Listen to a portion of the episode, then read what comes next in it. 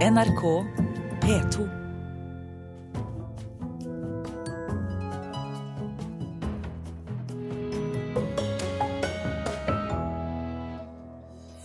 Mediene må være forsiktige i formidlingen av terrorgruppen Al Shabaabs budskap, oppfordrer terrorekspert. Den norske Oscar-komiteen valgte feil film, mener redaktør i filmmagasinet Cinema. Og med bind for øynene får publikum oppleve europapremiere på minioperaen The Blind i Trondheim i kveld. Du hører på Kulturnytt i P2s Nyhetsmorgen i dag med Elisabeth Tøtte Hansen i studio. Terrorekspert oppfordrer mediene til å være ytterst varsomme med hvordan de beskriver terrorgruppen Al Shabaab. Al Shabaab har en meget profesjonell mediestrategi og har mye å tjene på å bli beskrevet som sterke og grusomme. Jeg tror det har vært en veldig profesjonell mediestrategi som har utviklet seg over tid. Og jeg tror det helt essensielle var 2007, hvor Shebab fikk veldig mye hjelp av internasjonale sympatisører til å etablere dette her. Så man begynte å sende ut pressemeldinger internasjonalt.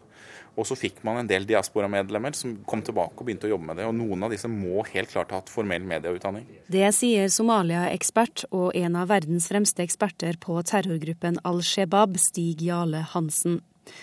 Gruppen som siden lørdag har holdt folk fanget i kjøpesenteret Westgate i Nairobi i Kenya, har en egen gruppe som jobber med sosiale medier og egne talspersoner for medier også denne løpende Twitter-kommunikasjonen som er helt grotesk under det som skjedde i Westgate nå, hvor eh, Shebab holdt Twitter-kontoen sin flytende.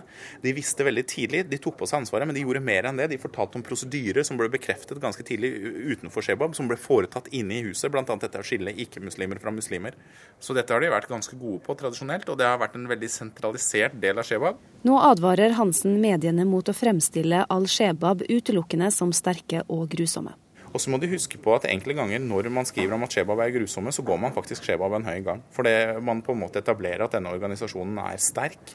Man gir et image, at det gjør noe. Men det er derfor det er veldig viktig for dere å også gjenta at eh, Shebab i dag taktisk sett er veldig svak. Eh, det er ikke sånn at somalierne støtter det generelt lenger, for de har sett igjennom disse, eh, det Shebab har gjort. Og få fram da svakhetene til Shebab, samtidig som dere får fram grusomhetene. Og også paradoksene internt, at det tross alt har vært en del interne stridigheter som er ganske kraftige. Terrorekspert Tore Bjørgo ved Politihøgskolen mener mediene bør være forsiktige med hva de formidler av al-Shebabs budskap. Dette er et vanskelig dilemma, for dette er jo en viktig hendelse. Og det er et enormt behov for informasjon, fordi at det er veldig mange mennesker som er berørt. Det er mange som har slektninger og bekjente som sitter opp der og er veldig avhengig av å få informasjon. Så slik sett så har jo mediene et høyst reelt formidlingsoppdrag. Som, er, som, de skal oppfylle. Men det er måten man gjør det som er viktig. Altså lar man Går man for langt i å formidle terroristenes budskap? Jeg har sett noen overtramp nå så sent som i dag, hvor, hvor det var oppslag i noen av nettavisene om hvordan, eh, hvor, hvor Al Shabaab fikk formidle veldig tydelig hva det var de prøvde å formidle. Og Det syns jeg man går for langt i å spille terroristenes spill. Terrorgrupper har alltid vært gode på å bruke medier for å få ut budskapet sitt, men med sosiale medier oppstår en ny situasjon. Og Det at de, gjør at de da lettere kan få ut sitt budskap der, og så kan de da bruke nyhetskanalene til å på en måte forsterke budskapet. Eh, så de har noe større styring enn det de hadde før, hvor de var helt avhengig av, av nyhetsmediene. Det er de ikke i samme måte lenger. Reporter var Eirin Venås Sivertsen. Knut Erik Holm, utenriksredaktør i NRK. Hva mener du om det ekspertene sier i denne saken her? Nei, De peker jo selvfølgelig på en del dilemmaer vi står overfor når vi dekker slike saker. Men eh, jeg vil først si at jeg tror vi ville ha forsømt oss hvis vi ikke fikk slått fast ganske tydelig at dette angrepet i, mot kjøpesenteret i Nairobi var et grusomt og, og nådeløst eh, angrep utført av terrorister, som eh, da ser ut til å ha drept over 60 personer Eh, uskyldige mennesker. Det må vi kunne slå fast i, i utgangspunktet. Eh, samtidig må vi også da spørre hvem er disse gjerningsmennene som gjør dette? Hva, hva, vil de med dette for å oppfylle det informasjonsbehovet? Jeg mener at eh, jeg har hørt fint lite al Shabaab-propaganda i løpet av disse dagene. Eh, hva de egentlig står for ideologisk. Eh, vi har bl.a. sluppet til eh, Hansen, som vi hørte her, som en kjenner av dette området, som, som da mener at, som i sin nøkterne analyse, mener at dette er uttrykk for en svakhet. Dette er et, en feig hevnaksjon mot kenyanske styrker, et ønske om å ramme Kenyas turistnæring. Og andre igjen har også da ment at dette er en, en desperat handling av en organisasjon som egentlig er ganske svekket, og også ikke sterk og grusom som ville vært det motsatte. Men når man dekker slike terrorsaker, da, hva er, hva er mest utfordrende? Det er eh, under dekningen av, av, slike løpende saker mens de utvikler seg, det er å rett og slett ikke vite hva som skjer. Eh, I dette tilfellet var det jo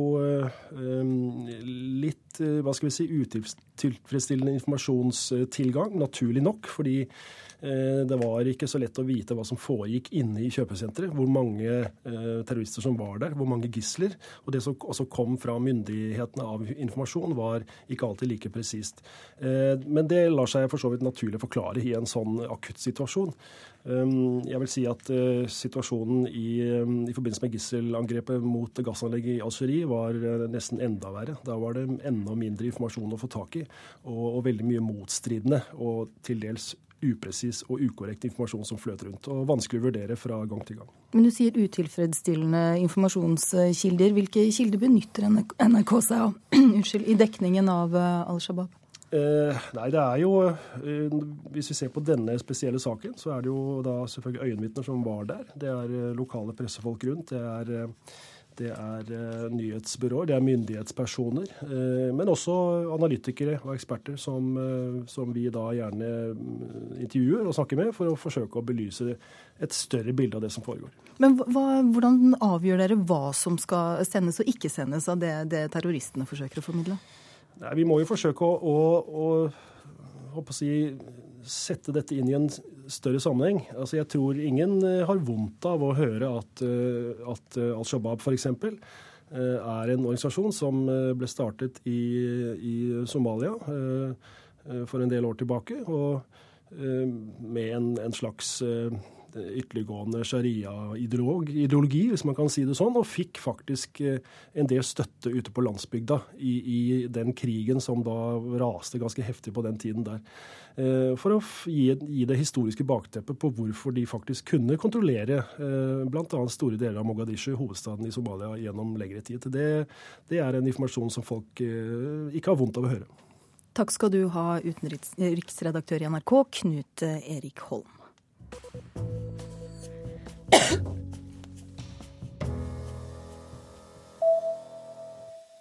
Kinas rikeste mann, Wang Yanlin, vil bruke over 50 milliarder kroner på å bygge en kinesisk versjon av Hollywood.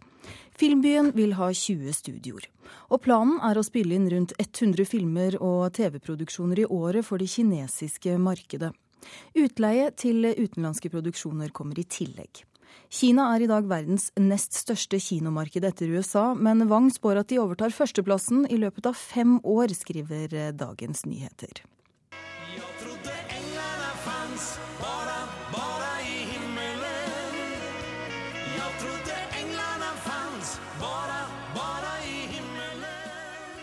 Ja, Ole Ivars samarbeider med countrylegenden Lynn Anderson.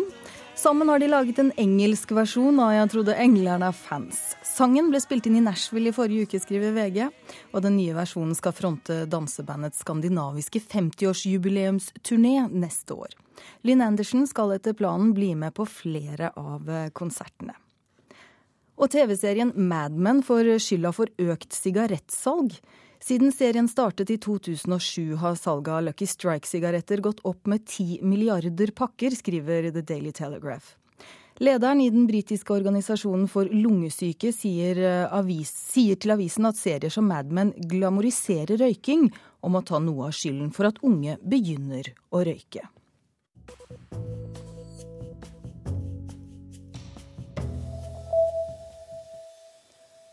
Den norske Oscar-komiteen valgte feil film. Det mener redaktør i filmmagasinet Cinema, Geir Kamsvåg. I går ble det avgjort at Iram Haks spillefilmdebut 'Jeg er din' blir sendt til vurdering for en Oscar-nominasjon i kategorien beste fremmedspråklige film. Den ble valgt foran filmen 'Eventyrland', som fikk jevnt over bedre kritikker i norsk presse.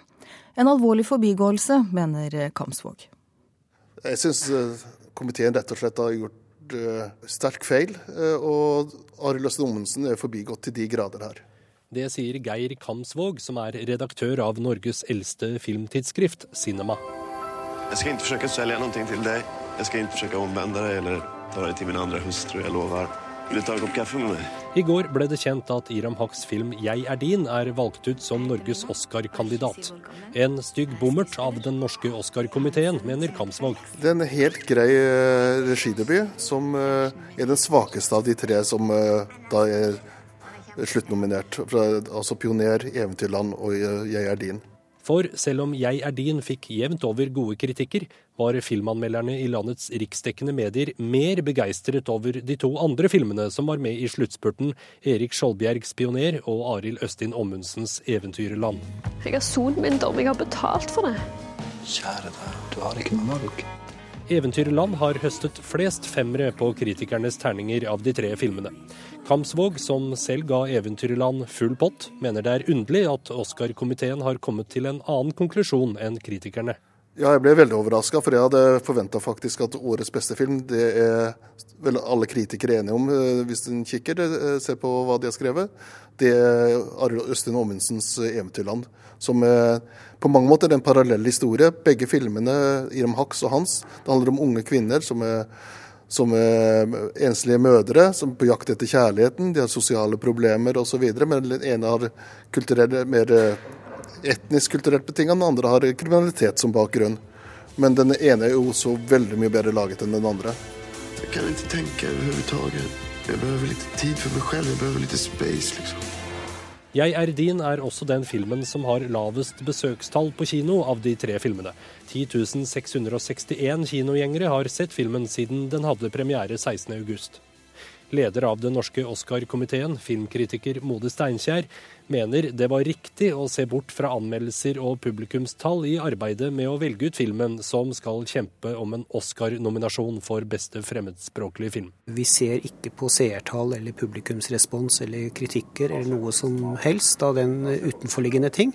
Det som er viktig for oss, er at vi har valgt gode filmer, eh, og at vi også har valgt en film som vi tror har noe i Oscar-sammenheng å gjøre. At det er noe med den som kan slå an en streng hos akademiets medlemmer, som igjen kan da få den videre. Hva er det som slår an den strengen i denne filmen? Det er en veldig modig film, det er en veldig personlig film. Og den er veldig original i måten den går inn i da en person, denne gangen en kvinne, som forsøker å, å leve et liv i et samfunn eh, som består av flere fasetter, og et samfunn hvor hun dras mellom flere motpoler. Eh, vi syns at hun turnerer dette veldig bra som regissør. Hun har en uh, glimrende hovedrolle. Uh, og så Samla sett så fant vi ut at dette er den filmen som vi har mest tro på i forhold til den videre gangen i Oscar. Det er mulig at vi kan si at dette er et modig valg, å velge 'Jeg er din', men samtidig så er det en modig film, og det tror vi kanskje kan vekke oppsikt der ute. Anessa Mode Steinkjer, leder av den norske Oscar-komiteen, til reporter Halvor Haugen. Klokka den er 18 minutter over åtte. Du hører på Kulturnytt i P2s Nyhetsmorgen, og her er de viktigste sakene i nyhetsbildet nå. Den stadig økende organiserte kriminaliteten i byggebransjen er som en ondartet kreftsvulst, mener Fellesforbundet. Studenter ved nye universiteter gir gode karakterer, mens de gamle er langt strengere. Og terroraksjonen mot kjøpesenteret i Nairobi kan føre til uro i Kenya, tror tidligere Afrika-korrespondent. I kveld er det europapremiere på operaen The Blind under Kammermusikkfestivalen i Trondheim. Med bind for øynene tvinges publikum til å oppleve musikk på en helt ny måte.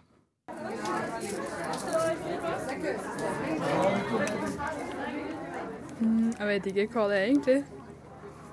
Ja, liksom ikke hørt sånn kjempemye.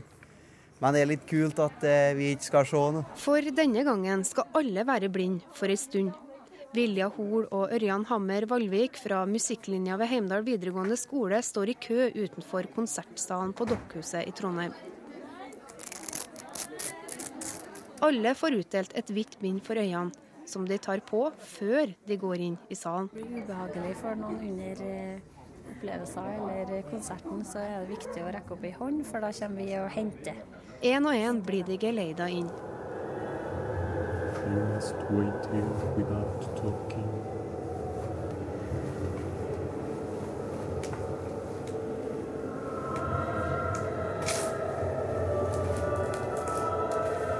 Skuespillet 'The Blind', Den blinde, er skrevet av den belgiske poeten og Nobels litteraturprisvinner Maurice Materelink på slutten av 1800-tallet.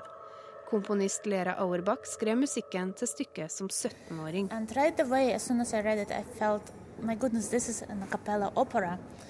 Lera sier at da hun leste verket, tenkte hun med en gang at det her er jo egentlig en a cappella-opera. Alle sa at det ikke var mulig, men hun gjorde det likevel, og da det var ferdig, ville ingen sette opp.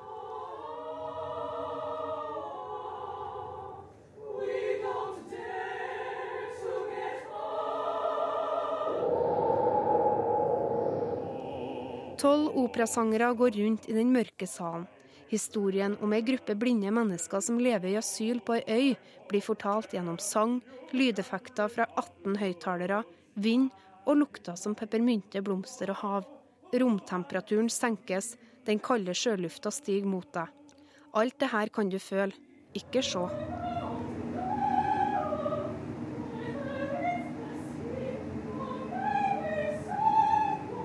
Cappella-operaen ble for første gang satt opp i New York i fjor med regissør John La Bouchadier. I kveld er det europapremiere i Trondheim, hvor alle i salen er blind for en time. John sier at målet er at publikum skal bruke andre sanser, og ved å fjerne synet vil de få tid til å tenke og føle på et annet vis.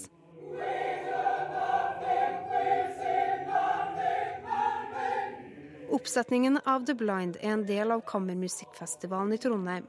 Og Vegard Snøfugl, daglig leder, mener denne spesielle operaen passer godt som en del av festivalprogrammet. Ja, det er midt i Kammermusikkfestivalens ånd å ha noe nyskapende som utfordrer og overrasker publikum.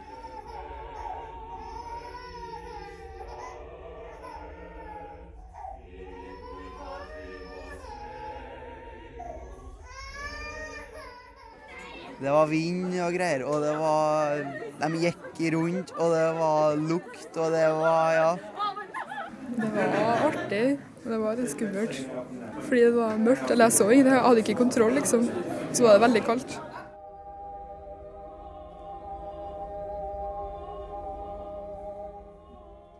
Det sa Vilja Hol og Ørjan Hammer Valvik fra musikklinja ved Heimdal videregående skole.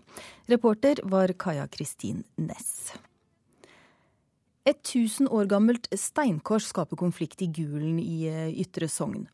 Steinkorset ble ødelagt da et tre falt over det i fjor, og nå vil de kulturhistoriske samlingene i Bergen at de folkevalgte i Gulen skal sette opp en kopi av det ødelagte steinkorset. Men slett ikke alle politikerne vil ha opp igjen en kopi av korset utenfor kirkegårdsmuren i Eivindvik. Da er det viktig at eh, krossen blir stående ved kirka på sin opprinnelige sted, om enn som kopi.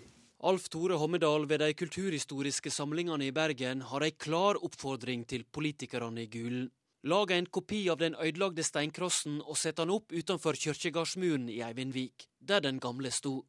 Hommedal mener krossen har stor kulturhistorisk verdi, ikke bare i seg sjøl, men like mye i sammenheng med en annen stor kross like ved. Da kan han spille opp mot den andre krossen, og han kan spille opp mot naturlige amfier, som en Edan den steinen regner med at Gulatinget ble holdt.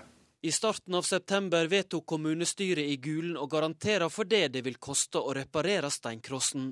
En prislapp som kan komme på inntil 550 000 kroner. Krossen skal takast vare på i kommunen og skal være synlig for folket. Det er politikerne samde om. Men å sette opp en kopi Jeg skjønner argumentasjonen, men føler ikke det er rett. Varaordfører Arve Mjømen i Høyre er skeptisk. Og Det er fordi at en kopi er en kopi, og når vi skal ta vare på den originalen en plass, så uh, føler jeg at det er riktigere å være veldig konsentrert om det som er originalen. Ja, Det er nå riktig at en kopi vil være en kopi. Sier Odd Harald Per Eide i Gulen Ap. At det vil stå en kross der som det har gjort i tusen år, det, det synes jeg er viktigere enn at om det er en kopi eller er det en original. Og den originale fremdeles er tilgjengelig for publikum å se. Ja, reporter her, det var Noralv Pedersen. Kulturnytt eh, tikker mot slutten for denne gang. Vi har eh, fortalt at eh, terroreksperter advarer mediene mot å omtale terrorgruppen Al Shabaab som utelukkende sterk og grusom. Produsent Halvor Haugen, teknisk ansvarlig Hanne Lunås, programleder Elisabeth Tøtte Hansen. Hør flere podkaster på nrk.no podkast.